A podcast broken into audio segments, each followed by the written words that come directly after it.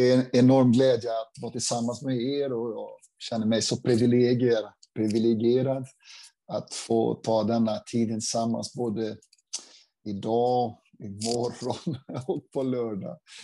Och det är ju nästan det är över ett år sedan, sedan vi var tillsammans, även om vi har haft en eller två Zoom-samlingar tillsammans på svenska. Men eh, att vara här i Sverige, att vara så nära er och att det är bara några dagar kvar på denna karantän här, för att sen kunna vara tillsammans med er och krama om er och verkligen eh, vara tillsammans och få detta utbyte i kärlek och i andliga nådegåvor och i uppmuntran och fräschheten i tron mer och mer att växa tillsammans.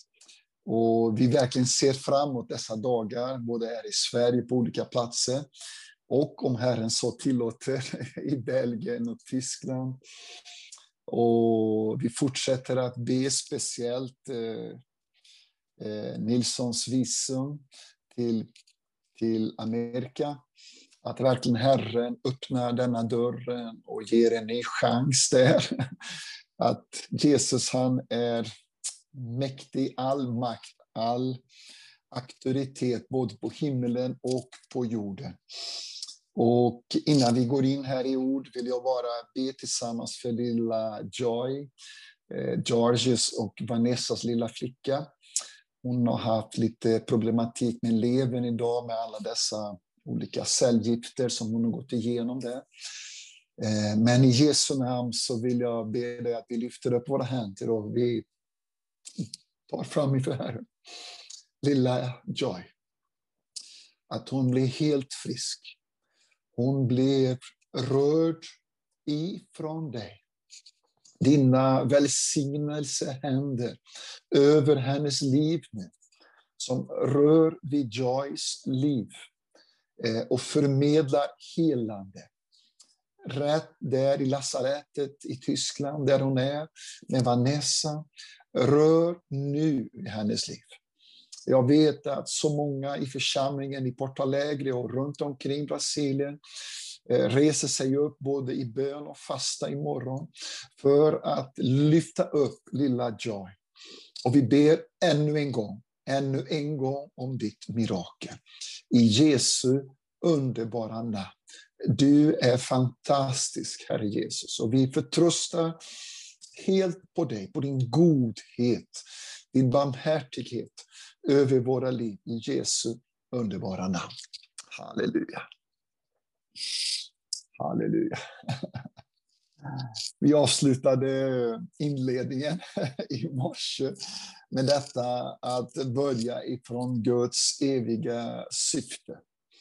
Och det är ju omöjligt att gå in direkt i lejonaskap eller till och med andliga föräldrar.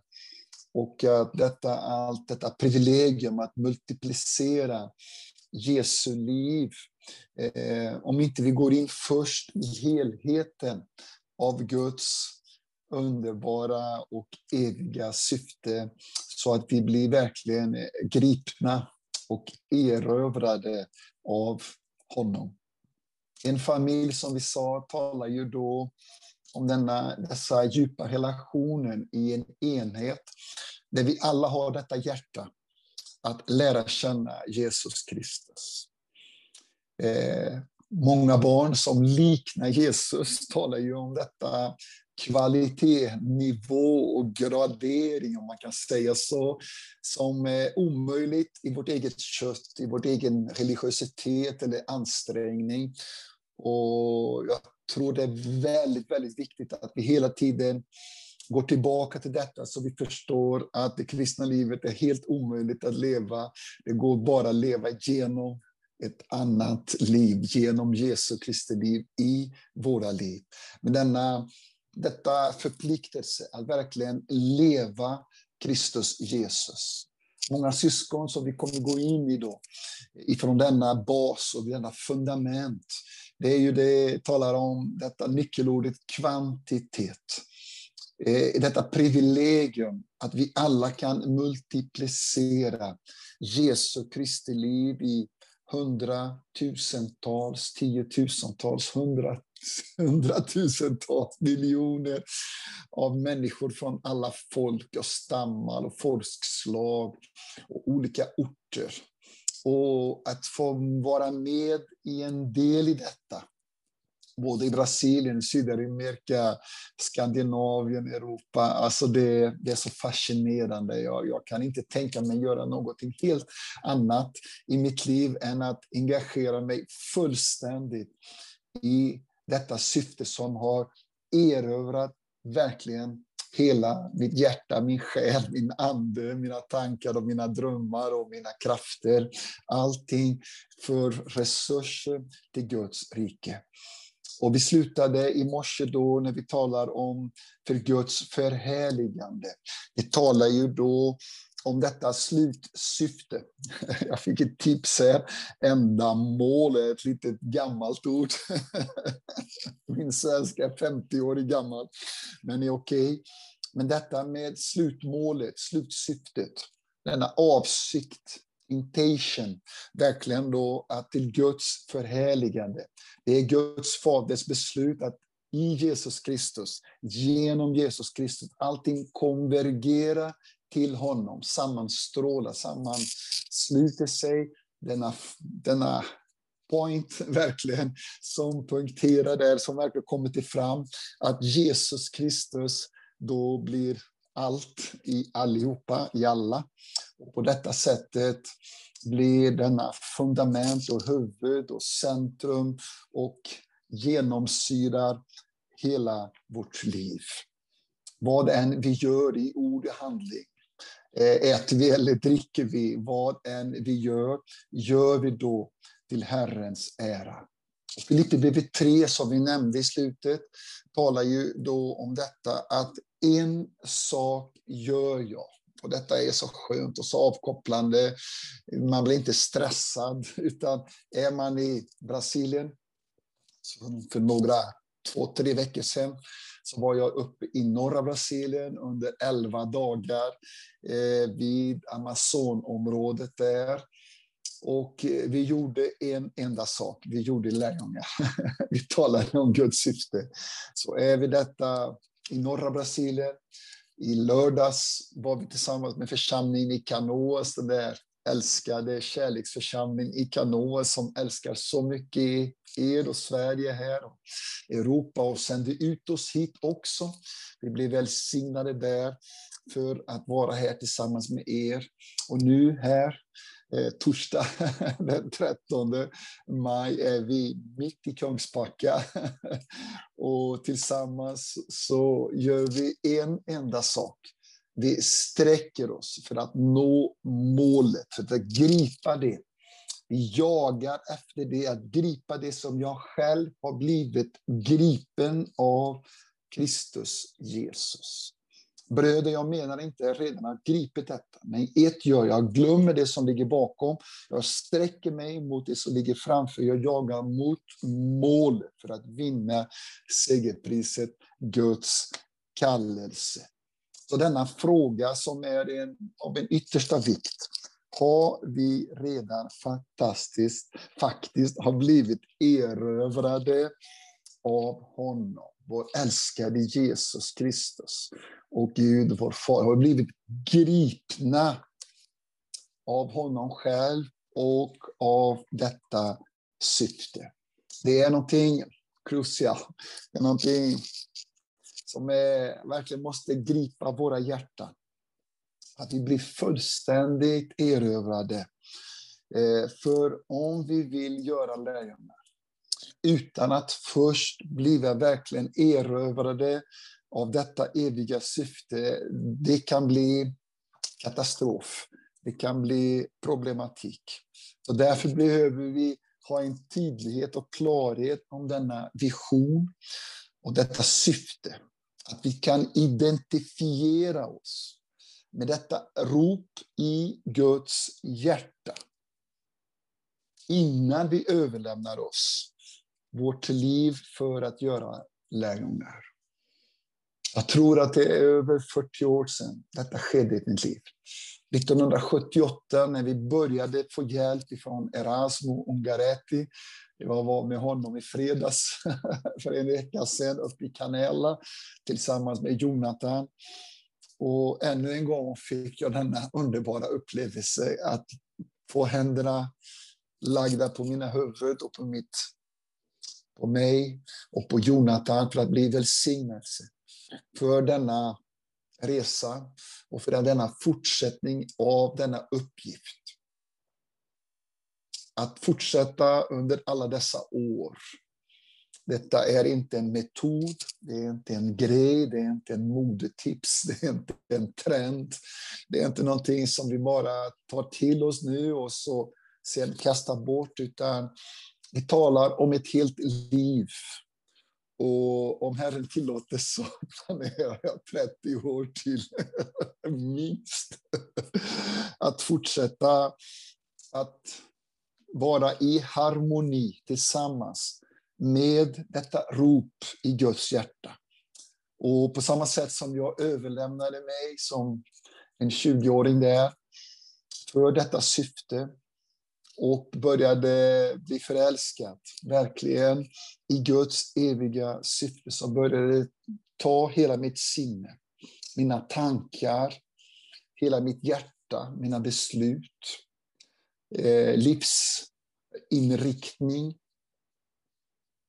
äktenskap, familj, tjänst, jobb, yrke, pengar. Åh, Jesus, allting Allting bara sammanstrålar.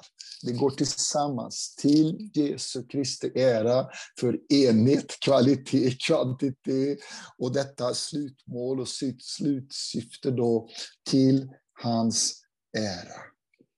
Eh, när vi då förstår detta, att Gud har utvalt en strategi att göra lärjungar. Hur detta behagar Guds hjärta. Eh, när vi förstår då att Gud önskar en stor familj, så kommer då detta att bli vår full-time enterprise. Alltså hela tiden, det är någonting som tar hela vår tid, hela vårt liv. Eh, varför då?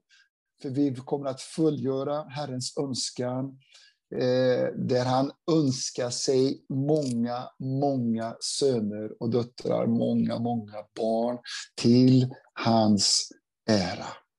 Så ännu en gång, innan vi fortsätter. Denna första inledningen här, första punkten.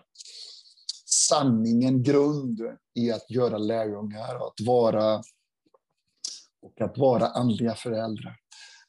Tillsammans, be med mig. Jag ber om din uppenbarelse. Jag ber om en övernaturlig, en överandlig, eller andlig, övernaturlig ingrepp i mina älskades hjärtan här. I deras ande. Så att de kan bli fyllda av din heliga Ande. De kan bli fyllda av din nåd och din kraft. Detta som genomsyrar deras sinne och deras inre människa så att de kan överlämna sig till ditt eviga syfte och bli fullständigt förälskade i dig, Jesus Kristus, vår älskade Gud, Fader och Son, genom dig, heliga Ande, vår parakletos, som välsignar oss och kommer till vår hjälp för att utföra detta underbara kallelse som vi har gett oss till var och en av oss. I Jesu underbara namn. Kom med din välsignelse över våra liv i Jesu underbara namn. Som vi nämnde i morse, detta med sann lärjungaskap är ju, när vi talar om detta, är en andlig föräldraskap. Eh, och Jesu ord, vi kan öppna det igen i Matteus 28. Det är ju så känt, men öppna gärna Bibeln igen. John Nelson där nere, en av kompisarna, säger det för att så vi kan det så mycket och vi har läst det så mycket, så går vi tillbaka till igen och så tar det en gång till. Matteus 28. Och istället för att börja direkt i vers 18 så står det i vers 17 att när de såg Jesus uppstånd från de döda tillbad några honom, men andra tvivlade. Så det finns denna mix här av tillbedjan, en mix av tvivel och otro. Och nu vet jag inte vilken dike du är, om det är ett övertygelse och i ditt liv och du redan tillbeder Herren Jesus Kristus, han som är vår högsta auktoritet. Och det är självklart att det han har gett oss denna befallning, att detta blir vårt hjärta, vårt sinne, våra tankar, våra drömmar, vår andning. Eh, allt vad vi rör oss i. Det finns ingen annan glädje än att verkligen fullborda hans vilja. Men då måste allt tvivel, all otro, och det är intressant att det står detta ordet här, är samma ord som kommer fram i en annan text i Matteus, när Jesus inbjöd eh, Petrus att gå på, på vattnet. Och han lämnade eh, båten och började gå på vattnet. Och så länge han hade sin blick fäst på Jesus Kristus, klart och tydligt fäst på Jesus, så gick det bra. Men när han tittade sig runt och såg omständigheterna, såg situationerna, vågorna, eh, vinden, blåsten, eh, tempestad, själva denna eh, situation med så problematik med vädret. Och när han då kollade omständigheterna så, så drunknade han. Gud vill att vi lyfter blicken nu denna kväll och vi bara ser indirekt i Jesu underbara, goda, kärleksfulla, utmanande ögon, ögonblick. Och vi mister inte denna kontakt, ögonkontakt med honom. För när vi gör detta så går vi framåt. Men om vi tittar runt på omständigheterna, på coronavirus, på denna isolation, isolering, problematiken, allt detta, distans och svårigheter som vi lever i världen, då kan vi förlora modet, vi kan gå in i tvivel och vi kan gå in i otro. Men Gud, ännu en gång säger, all auktoritet, all makt att regera, både i himlen och på jorden. Sverige, Skandinavien, Europa, Brasilien, Sydamerika med en enorm utmaning vi har där nere med hela sjukvården, allt detta, så många dödsfall. Men i allt detta så har Herren bevarat oss, beskyddat oss, fört oss från seger till seger. Och som Pelle berättade och Rosi på så gott, även när vi går igenom dödsskuggans dal så är han med oss. All auktoritet, all makt i himlen och på jorden har getts åt Jesus Kristus. Har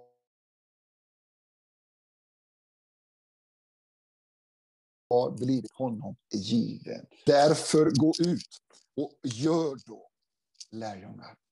Träna dem och forma dem av alla folk, alla folkslag, alla olika, kan vi detta redan, olika etniska grupperingar. Inte bara nationer, utan det är också olika folkslag, olika etniska grupperingar. Och eh, då skall vi döpa dem i Faderns, Sonens och Helige Andes namn. Och vi skall då lära dem, instruera dem att hålla, bevara noggrant, noggrant lyssna på allt som jag har befallt er, säger Herren Jesus. Och se, inse förstå. Glöm aldrig, jag är med er. Halleluja! Åh, tack och lov. Är det ett projekt som Gud är med oss varje dag, ända till slutet, ända till denna tidsålders slut, är det när vi gör lärjungar i alla folkslag och vi döper dem i vatten och vi välsignar dem i Faderns, Son och helige Ande. Vi inkluderar dem in i Faderns, Son och den helige Ande. De blir fyllda med helige Ande. Och vi börjar lära dem, halleluja, ett privilegium att börja hålla, att verkligen ta till sig Herrens, Jesu Kristi befallning. Och dessa, detta ordet då, detta Jesu befallning här, att göra lärjungar. Hans order, befallning, uppmaning. Alla de andra verben de står i en aktiv form, läste jag här i kärnbibeln. Vilket visar att de är aktuella ända till Jesus kommer tillbaka. Halleluja. Han har inte ändrat sig. Han har bara en strategi. Halleluja. Han har bara ett syfte. Han räknar med sin församling där vi alla är barn och syskon i Guds underbara familj och vi är får i hans jord som vi sjöng. Vi är präster. Halleluja. Och vi tillbeder honom. Halleluja i lovsång. Och vi är del i hans familj. Vi är lemmar i hans kropp. Vi är heliga stenar i hans underbara hus som han bygger. Och då kommer ju detta med kvantitet. Allt multiplicera eh, eh människor. Halleluja. I Guds rike genom att vi är lärjungar och genom att vi gör lärjungar. Det är inte bara göra. Än en gång säger jag, det är inte någonting som vi kan eh, bara ta till oss som en teknik, en metod, ett schema, utan det måste erfara av våra hjärtan. Vi förstår det, men vi måste dra ner det i vår erfarenhet, i ett hjärteerfarenhet, verkligen, där vi drar till oss. Det är ett livsprincip som vi nämnde i morse. Och vår Jesus Kristus, han är vår modell. Han visade oss hur man gör, vad man gör, Eh, vad det menade att göra lärjungar. Och vi behöver verkligen se då vad detta betyder. Och det är inte självklart. Så jag ber dig, jag inbjuder dig, jag uppmuntrar dig att läsa igen eh, evangelierna. jag är så förtjust i denna svenska kärnbibel och det kommer så många förklaringar och hjälper mig med många synonymer. Jag behöver detta för att förstå svenskan. Och då läsa detta. Jag håller på att läsa ut nu, läsa två, tre dagar, Apostlagärningarna, men sen läsa hela Nya Testamentet nu under dessa dagar jag är här i Sverige på svenska. För att fräscha upp ordförrådet, fräscha upp, halleluja, uppenbarelsen, att vara lärjungar, göra lärjungar på samma sätt som Jesus gjorde. Men är detta möjligt idag? Att göra lärjungar som Jesus, som vår modell. Och här är det viktigt att vi lägger ner våra värderingar från ett västvärld, hyper, hyper individualistisk, sekulariserad, humanistisk. Men att vi lägger ner alla dessa saker. Och detta stilen som vi har här i Europa, i västvärlden, att inte det blir ett hinder för oss. Utan att vi kan se hur denna nyckelgrej, att göra lärjungar, är någonting som tillhör Guds hjärta. Den eviga guden har inte ändrat sina tankar och sitt sinne. Absolut inte. Han är densamme igår, idag, i all evighet. Så han inbjuder dig att lyda hans kommandorder som han gav oss för mer än 2000 år sedan. Gå, eller gående, gör lärjungar. Och då döper vi dem och vi undervisar dem, vi lär dem att hålla alla bud och då är han med oss. Halleluja, han är med oss på ett speciellt sätt när vi lyder eh, hans utmaning, hans gudomliga order för att då vara hans lärjungar. Någonting som Herren eh, vill mer och mer undervisa oss om är klart den här självklarheten. Eh, vad är det att vara en lärjunge? Man kan säga så. Vi tog fram först det eviga syftet, att ifrån det eviga syftet går vi in i att göra lärjungar. Det andra var då Matteus 28, 18-20 eller 17 där. Och nu i Jesu namn kastar vi bort all otro, vi kastar bort allt tvivel. Vi tillbedjer, vi böjer oss. Vi kapitulerar inför vår store general. Halleluja. Han som är allsmäktig. All makt och auktoritet i himmel och på jorden tillhör honom. Och det bästa är att stå under hans auktoritet. Halleluja. Då står vi på segerns sida. Han som är konungas konung. Halleluja. Kungarnas kung. Och vad fantastiskt att stå till hans tjänst. Halleluja. Jag kom till mig här. Vi fick reda ifrån eh, Tieli, vår äldste dotterson, eller vad menar barnbarn, eh, David, han som är över fyra år nu. Eh, han skulle klättra upp på sån där park där som Daniel har satt in i vår trädgård där.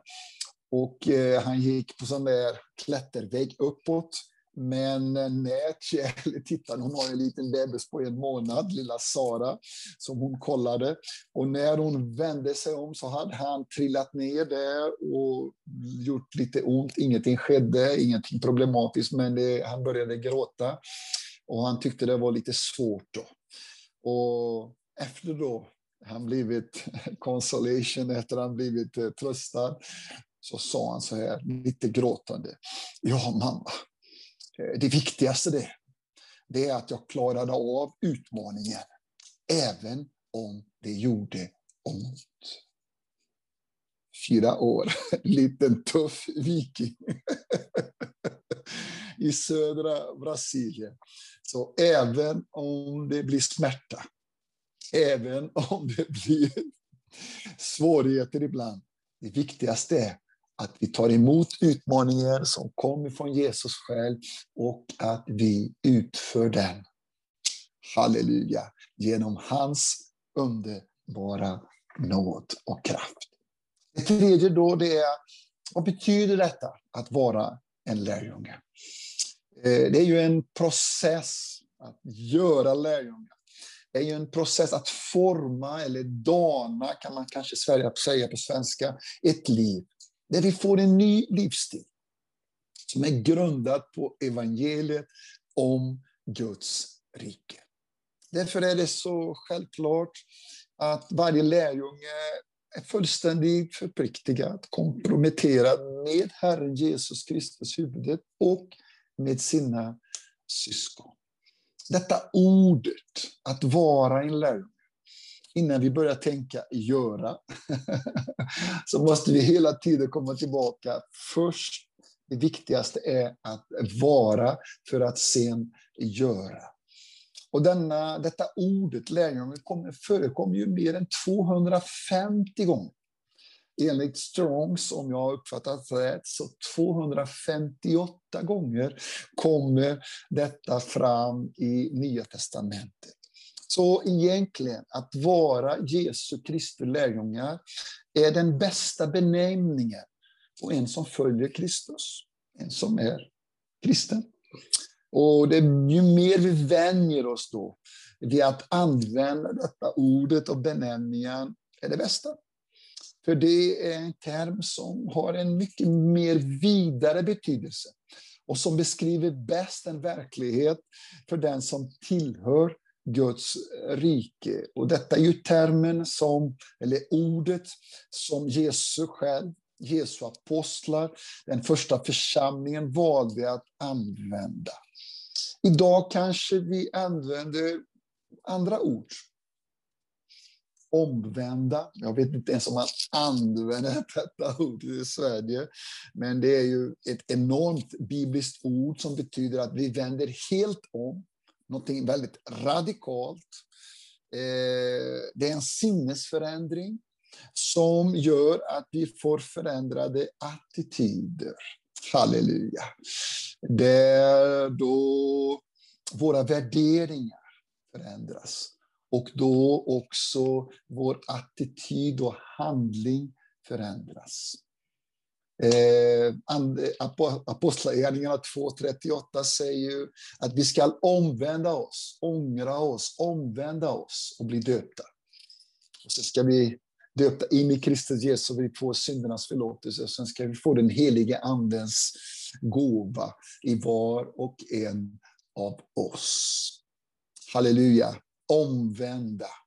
Ett helt radikalt. Vänd helt om. Förut gick vi helt fel. Halleluja. Men nu vänder vi oss om från den breda vägen. Vi vänder om till Jesus Kristus en sinnesförändring, en värderingsförändring och en attitydsförändring som resulterar i praktisk handlingar. Så det är helt bibliskt, men det inkluderas in i ordet lärjungar. Frälsta, ett gammalt pingstord, tack och lov. Halleluja. Jag blev frälst i pingst, Kinnekulle. Halleluja, Västergötland. När jag var sex, sju, åtta, nio år. Jag blev döpt in i Kristus Jesus som nioåring. Och jag blev döpt i helig Ande som 15-åring. Så detta att bli frälst, frälsta från och frälsta till. Vi blir frälsta från syndens skuld, anklagelse, fördömelse. Syndens makt blir vi frälsta från. Och vi blir frälsta till att tillhöra Jesus Kristus, Herre, och överlämna allt vårt liv, all vår kropp, all våra resurser, allt vad Gud har gett oss, halleluja, i sin godhet och generositet för honom. Så glöm aldrig detta. Vi är frälsta från allt det negativa. Vi är frälsta till allt det positiva för att tjäna honom, för att fullborda den kallelse vi har blivit kallade till. Ett annat gammalt ord, troende, det betyder det att vi tror på Herren Jesus Kristus. Allt vad han har sagt och allt vad han har befallt oss. Halleluja. Troende, det är inte bara något intellektuellt. Att vi okej, okay, ja kanske okej, okay, jag bejakar då Guds ord, att kanske till och med okej, okay, tror att det kan vara sant. Nej, tro betyder att jag överlåter mig, att jag ger dig, jag överlämnar mig. Jag är förpliktigas att tro och att lita. Hjärtats tro, står det i Romarbrevet 6.17. Så troende, det är tro allt vad Jesus Kristus har sagt både från första Mosebok till Apokalypsi, Uppenbarelseboken. Halleluja. Och vi tror allt vad han har befallt oss och vi vill lyda allt vad han har befallt oss. Och kanske detta ordet kristen som bara förekommer tre gånger faktiskt i Nya testamentet. I Antiochia blev de lärjungarna först kallade kristna. Och det förekommer mer två gånger sen. Eh, både i Apostlagärningarna och sen i första Petrus brev 4, 16 kommer det då att om vi måste lida som kristna. Och det var ju Christianos, det var ett, kanske ett litet fördömt ord, ett litet förnedrande ord. Små kristna. Det går en liten små kristen där. Han efterlikar, han lever som Kristus. Det kanske var ett negativt ord. Men eh, vilket underbart ord att ha samma namn som Kristus, Jesus, och vara lik honom. Så när vi förstår detta, när vi skriver ner här då omvända, frälsta, troende, kristna, Herrens lärjungar. Halleluja. Ska vi ta ett slutstreck här och en summering? Allt detta ingår då i ordet att vara lärjungar. Och inte bara de tolv som gick, var nära Jesus. Inte bara de 70 eller 72 som blev utsända att förbereda när Jesus gick in i de olika byarna, olika städerna för att predika, för att undervisa, för att hela, för att driva ut demoner. Men också i, i, under hela Nya testamentet speciellt och apostlagärningarna kommer detta fram. Och jag tycker det är så skönt. Till exempel Matteus 27, 57. Det kom en rik man från Arimatea som hette Josef och som hade blivit en Jesu lärjunge. När vi kommer till den där goda berättelsen i Johannes 9 om den blinde mannen som Jesus helade. Det blev så kalabalik där bland fariseerna. Och, och de ville upptäcka och fråga vem denna mannen var och varför han var så. Kapitel 9 i Johannes, kapitel 9 i Johannes och i vers då, eh, 27 och 28 så säger han, eh, vill ni, är ni också, kanske ni också vill bli hans lärjungar? Och då sa de, de hånade honom då och sa, det är du, det är du som är hans lärjunge. Vi är Mose lärjungar.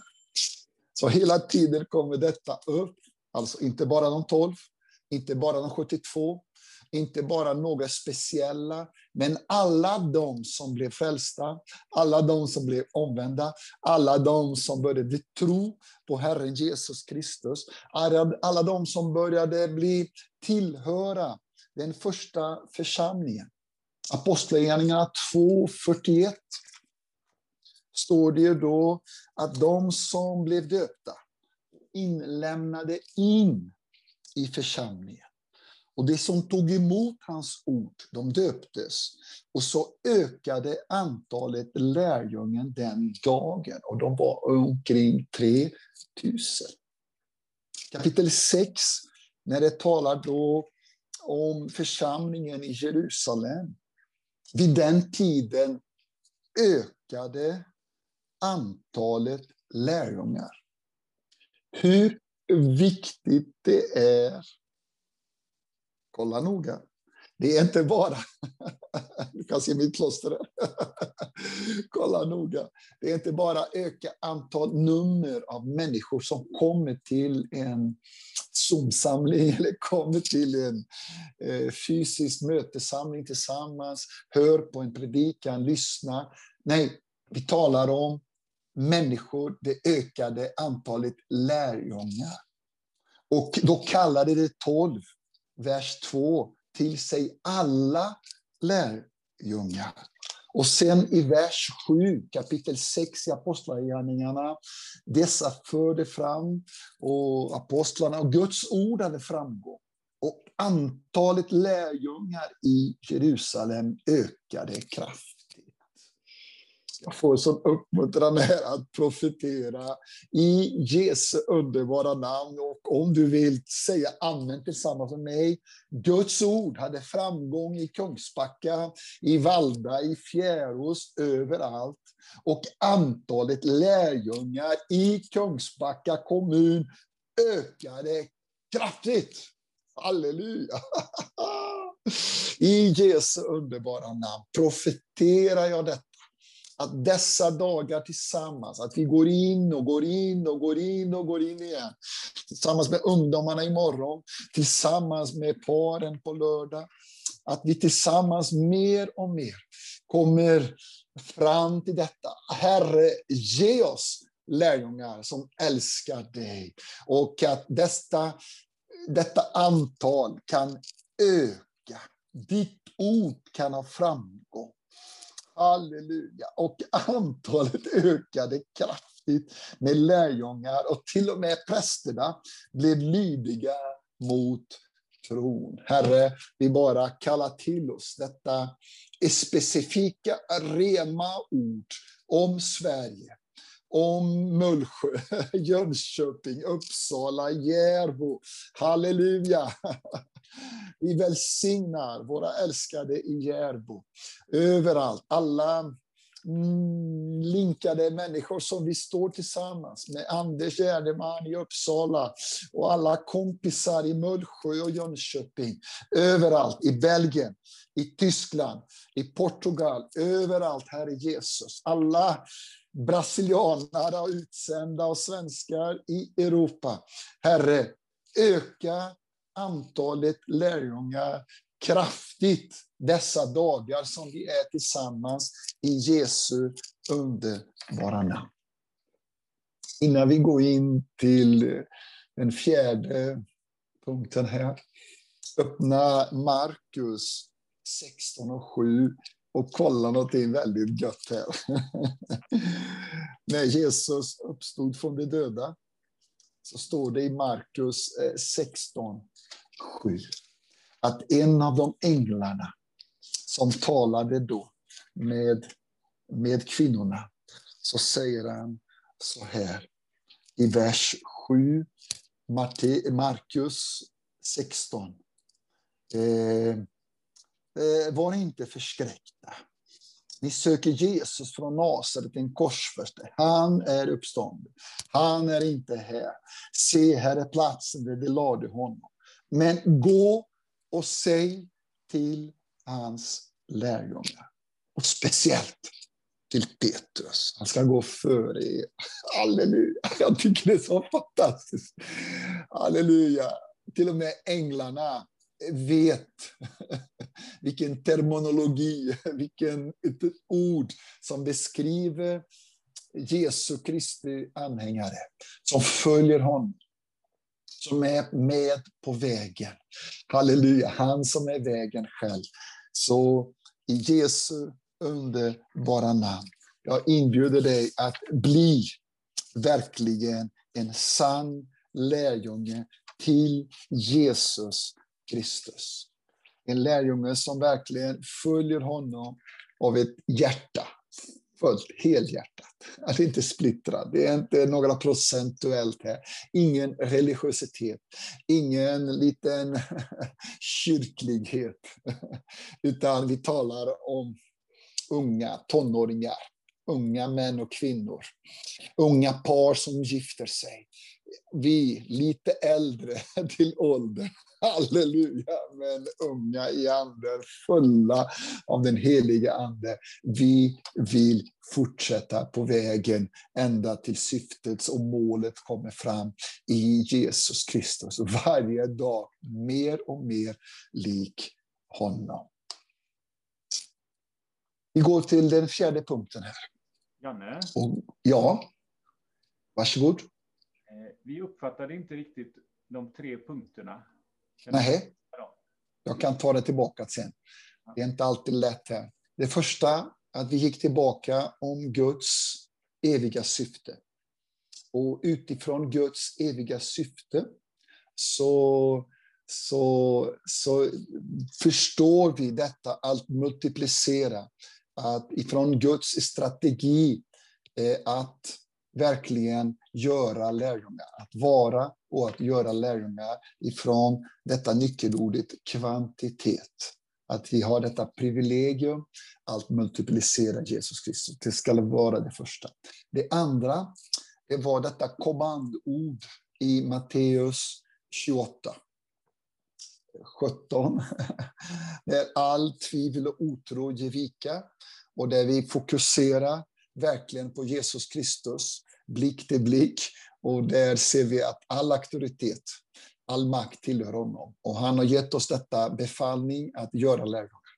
Och denna befallningen är aktuell. Dessa ord, dessa verb, att gå, att döpa och att undervisa. Det är i aktiv form och de lever, det är aktuella än idag. Detta är den andra. Den tredje är vad själva lärjungebegreppet betyder. Och då gick vi in i dessa, dessa ord som sammanslutar, eh, ingår i benämningen att vara en Jesu Kristi lärjunge. Troende, kristen, frälst, omvänt, på vägen. Allt detta tillhör då vad det betyder att vara en lärjunge. Så dessa var dessa tre punkter. Tack för att du hjälper mig, Daniel. Tålamod. Kan du säga bara en mening för varje punkt? Ja, det kan jag. Det första, Guds syfte. Det andra, Guds Jesu befallning att göra lärjungar. Det tredje, betydelse att vara lärjunge.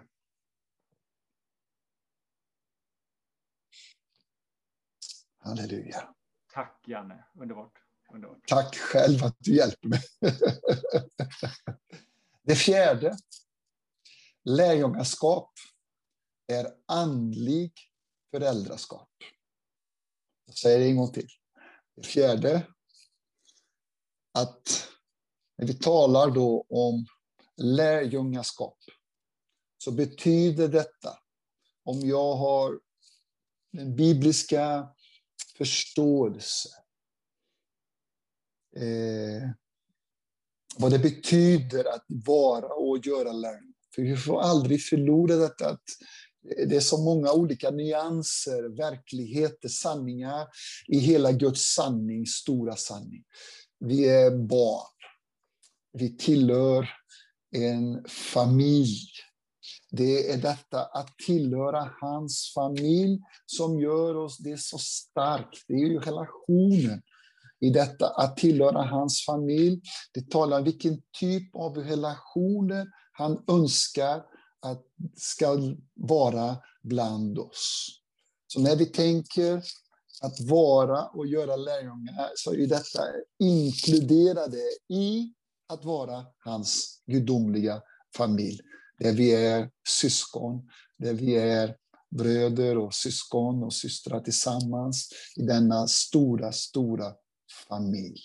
Så då blir det ju självklart att eftersom eh, lärjungaskap då talar om denna familj, där vi blir andliga föräldrar.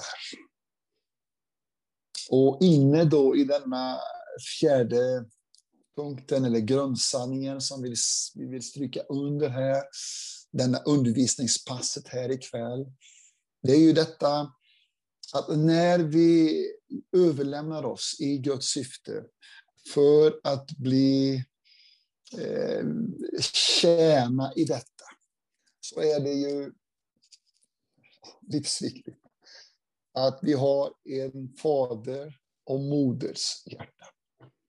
Och detta betyder inte att jag måste vara fullvuxen, att jag måste vara gift, utan det gäller tonåringar, det gäller mindre barn, det gäller eh, ungdomar. Att alla vi som eh, börjar välsigna andra, att vi har först och främst detta fader och moders hjärta. Annars kan det gå väldigt problematiskt och sned och gå i dike. Eh, när vi talar om andliga föräldrar så är det inte betona en auktoritet som är implicit. Men det är inte detta vi betonar, utan vi vill betona kärlek. Vi vill betona närhet, omsorg. Det är detta som betyder att vara en stor, stor familj med många, många barn. Där vi växer, vi formas, vi utvecklas i det andliga livet. Vi stagnerar inte på en plats, stampar inte fot, utan vi växer. Det är det naturliga, övernaturliga livet. Eh, I det naturliga livet vill vi växa fram tills vi blir mogna, tills vi kan ta ansvar, tills vi kan välsigna, vi kan bilda familj, vi kan, eh, vi kan välsigna andra. I Guds församling, hans familj, är det ännu mera denna sanning. Så när vi talar då om denna djupa relation, detta i hjärta, att verkligen vara andliga föräldrar. Med ett hjärta som tjänar. Det är inte befaller, det är inte order, det är inte någonting att vi manipulerar. Gode Gud. Ingen kontroll, ingen manipulation, ingen ägande. Gode Gud, gå iväg i Jesu namn. Vi talar om välsignelse. Vi talar om att ge vårt eget liv, att ha en ande av tjänande och en tjänares attityd. Där vi eh, vill, vi älskar detta, att bli andliga föräldrar och denna betjänandet, detta kärleken, där vi förmedlar. Om du vill anteckna. Var förmedlar andliga föräldrar? Vi förmedlar en identitet i Kristus, Jesus. Vi förmedlar en trygghet, en stabilitet i Guds ord, i Guds sanningar. Halleluja, genom en helig Ande. Vi förmedlar till varje ny frälst, till varje ny omvänd, varje ny liten bebis. Vilket värde! Hur värdefull varje, varje syskon, varje barn är i Herren Jesus Kristus. Hur unik, kommer detta ordet om det svenska, hur fantastisk, värdefull varje nyfödd bebis i Kristus Jesus som kommer in i församlingen och som blir adopterad av någon av oss som då på detta sätt förmedlar identitet, trygghet, värde, halleluja, egenvärde i Kristus Jesus. Hur värdefull var och en av oss. Och jag tror att i denna värld vi lever, i detta samhälle med så mycket vad blir det på svenska? Competition på portugisiska. Hela tiden detta tävlande, konkurrens, att de konkurrerar och man måste vara bäst, främst, högst, snyggast, bäst, välsignelse eller vad som helst. Man måste vara alltid tipp, topp, topp för att vara någonting. Men eh, vi är alla unika, speciella, vi är värdefulla, vi har vår trygghet i Kristus Jesus, vår identitet i ordet och i den heliga Ande. Vi vet att vi är värdefulla, Jesus Kristus blod blev utgjutet för dig och mig. Och det kostade honom att köpa oss fria från Satans välde. Och vi var slavar under denna mörkrets välde och makt. Men han har befriat oss, han har köpt oss, han har älskat oss på detta så sätt. Och därför vet vi vilken dyrbarhet vi var och är.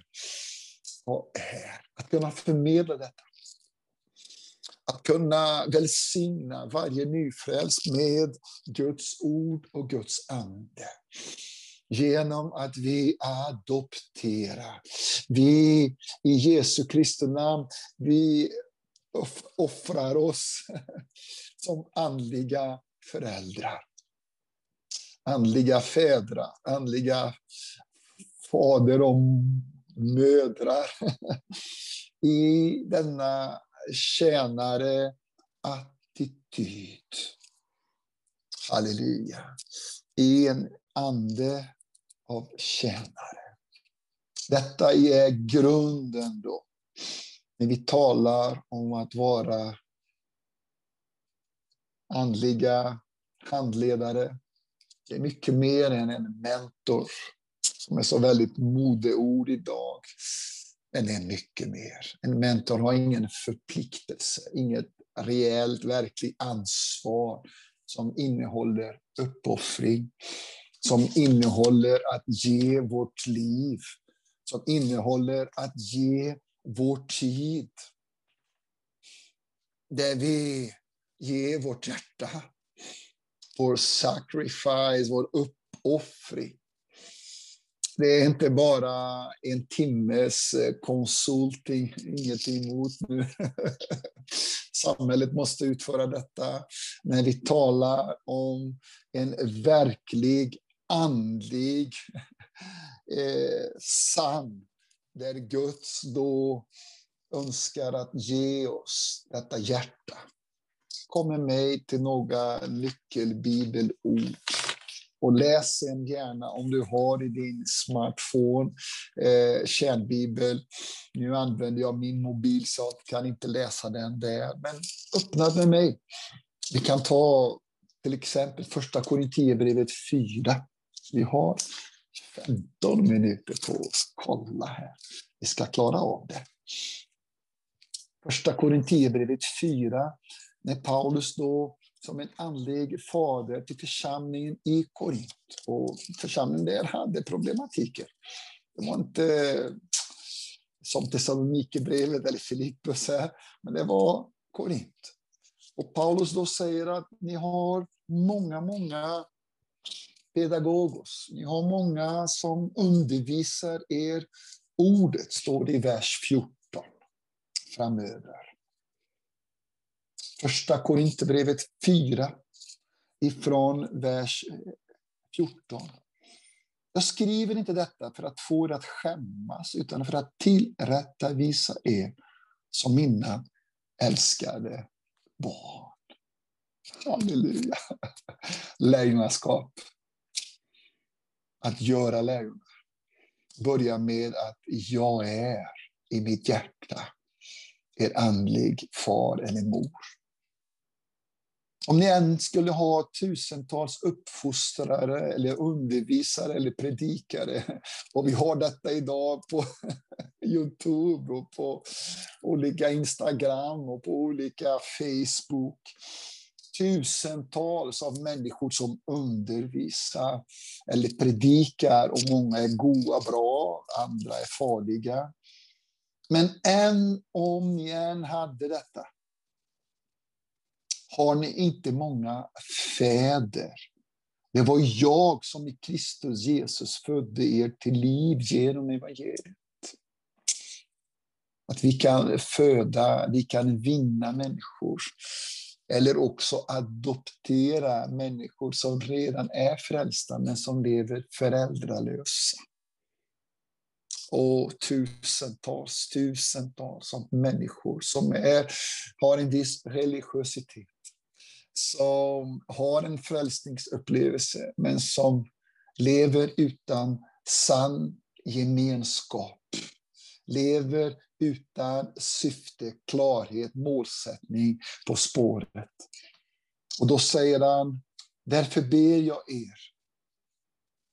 Jag ber er, säger Paulus, bli mina efterföljare. Och vi måste förstå detta ordet i denna omkrets här. Inte bara efterföljare, som han säger sen också, bli mina efterföljare som jag är till Jesus Kristus. Och det är sant. Men han säger detta här, bli mina efterföljare. Detta ingår att jag ska vara, att ni ska vara föräldrar. Andliga föräldrar. Mina älskade barn. Timoteus. Älskade och trofasta barn i Herren. Halleluja! Timoteus var en ung grabb, kanske 16-17 år, som Paulus där, med sin andra missionsresa, kanske På första resan blev han frälst, på andra resan blev han inbjuden då att följa med Paulus. Apostlagärningarna 16 börjar tala om detta. Han var en troende där, i Listra, Derby och med Ikonia. Och där började han bli också en Jesu Kristi lärjunge som blir adopterad. Hans mamma, och vi kanske tar upp detta på, på lördag, hans eh, mormor var troende och frälsta. Hans pappa var grek och antagligen icke troende. Men vilket fantastiskt jobb! Åh. Både Eunice och Lloyd, nu vet jag inte namnen på svenska här, gjorde. Och där blev det en Timoteus, en apostelmedhjälpare framfostrade i denna familjen. Och när Paulus såg på honom så tog honom direkt, denna kille här är god, denna kille är bra. Honom vill jag ta med mig här. Min älskade och trofasta barn i Herren. Honom sänder jag nu till er. Han ska påminna er vad jag undervisar i Kristus Jesus. Det jag överallt lär ut i alla församlingar. Jag ska påminna er, han ska påminna er vad jag undervisar och vad jag lär ut. Ett annat text säger hur jag lever och vad jag talar. Jesu underbara namn, jag kallar dig till att bli en Jesu underbara efterföljare. Att vinna, att konsolidera till frälsningen och dopet och porten till Guds rike genom andedopet. Sen, och sen börja lära dem, börja göra lärjungar. Och sen i sin tur sända dem ut.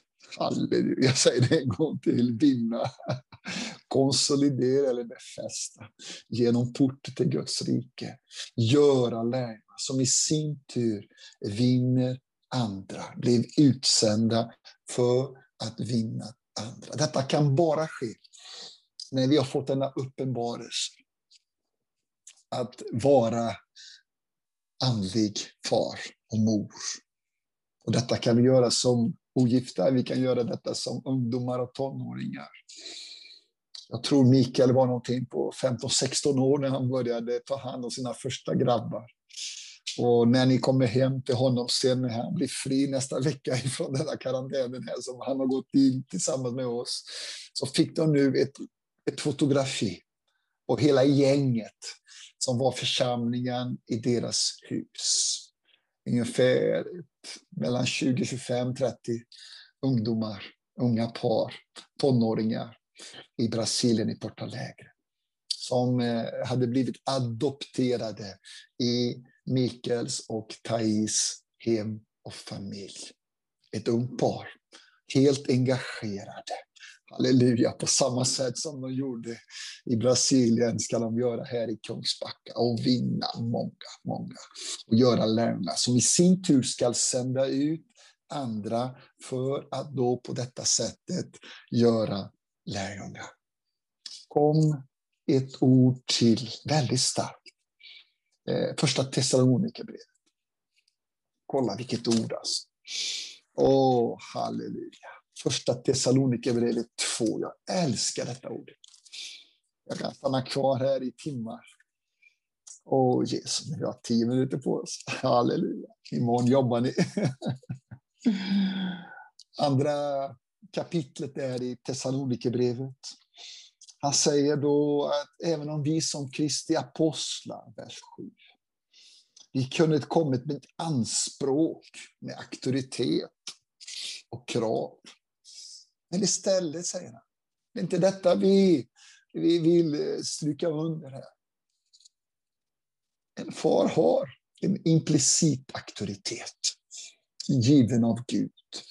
Men istället uppträder vi kärleksfullt bland er, ibland er. Som när en mor sköter om sina egna barn. Ville vi i innerlig kärlek ger inte bara Guds evangelium utan också oss själva. Eftersom ni har blivit så kära för oss. Man kan nästan ta i kärlek. Man kan nästan ta det bara, det bara dryper. Jag vet inte vad jag gjorde på svenska nu. Men det nästan, när man tar på nästa ordet, det, det kommer omsorg. Det kommer kärlek. Det kommer ansvar, inte tvång, inte tryck, inte någonting obligation. Nej, nej, nej, nej, vi talar om, om kärlek. Åh, så kärleksfullt som när en mor sköter, tar till sin famn, tar sin, sin barm, eh, sitt barn nära henne. Innerlig kärlek. Vi är inte bara forma människor för att ge ett evangelium. Vi vill ge oss själva. Bröder, ni kommer ihåg hur vi arbetar och slet. Natt och dag arbetar vi utan att ligga någon till last när vi predikar i Guds evangelium. Ni är vittnen, jag, Gud själv är vittnen till hur heligt rätt och oförvitligt vi uppträder ibland er som tror. Ni vet också hur vi förmanade hur vi tröstade, hur vi uppmuntrade. Var och en av er som en far sina barn. Vägvisning, direction. Vädjade till att er att leva ett liv värdigt Gud. Han som har kallat oss till sitt rike och sin härlighet. Halleluja. Tack Jesus Kristus. Ni vet hur vi förmanar, hur vi uppmuntrar, hur vi tröstar och hur vi styrker var och en av er. Vers 11. Som en far sina barn. Åh, älskade ungdomar, älskade tonåringar, älskade unga barn. Vad jag vill eh, verkligen eh, ge dig en andlig Halleluja. Rensa. Ett andligt arv som kommer ifrån mitt hjärta. Bli. Ditt liv får mening. Ditt liv får syfte, tydlighet och klarhet. När vi engagerar oss fullt hjärta det är inte tvång, det är inte metod, det är inte teknik, det är inte system. Nej, vi talar om kärlek. Vi talar om att ge vårt liv. Vi talar att inte bara ge ett evangelium. Vi talar om hur dyrbart än detta evangeliet är. Jag säger inte negativt eller minskar inte evangeliets viktigt, viktigt, hur viktigt detta är.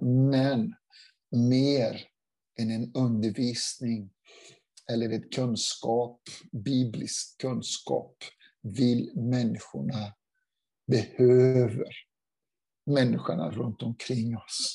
De behöver att vi kan ge vårt liv, vår tid, vår uppmärksamhet, vår, våra tankar, vårt liv, våra känslor, vår ande, själ och kropp till att välsigna människorna som Gud för till oss och ger som ett privilegium att vi kan investera för evigheten i Guds rike.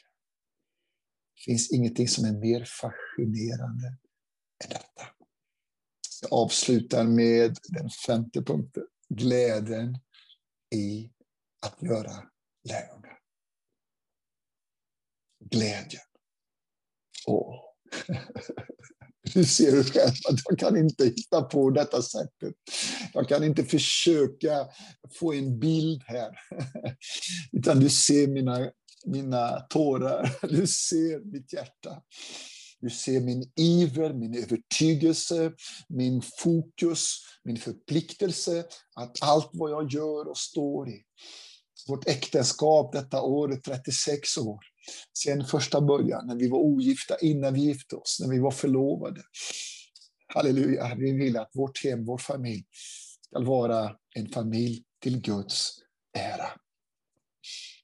Första till Thessalonike brevet 2, eftersom vi redan är här. Vers 19. Vem är vårt hopp? Första tes 2.19 till slutet här. Femte punkten. Vem är vårt hopp? Vem är vår glädje? Vem är vår ärekrona? Inför vår Herre Jesus, när han kommer. Vem om inte ni, säger Paulus till församlingen Thessalonika. Och jag säger det också till församlingen i Kungsbacka. Daniel och Sofia. Ebba, dina föräldrar, Henrik och Monica, de första som vi tillsammans här för 20 år sedan började få kontakt med. Och Fredrik och Debra svarade ja, vem vill bli andliga föräldrar för oss?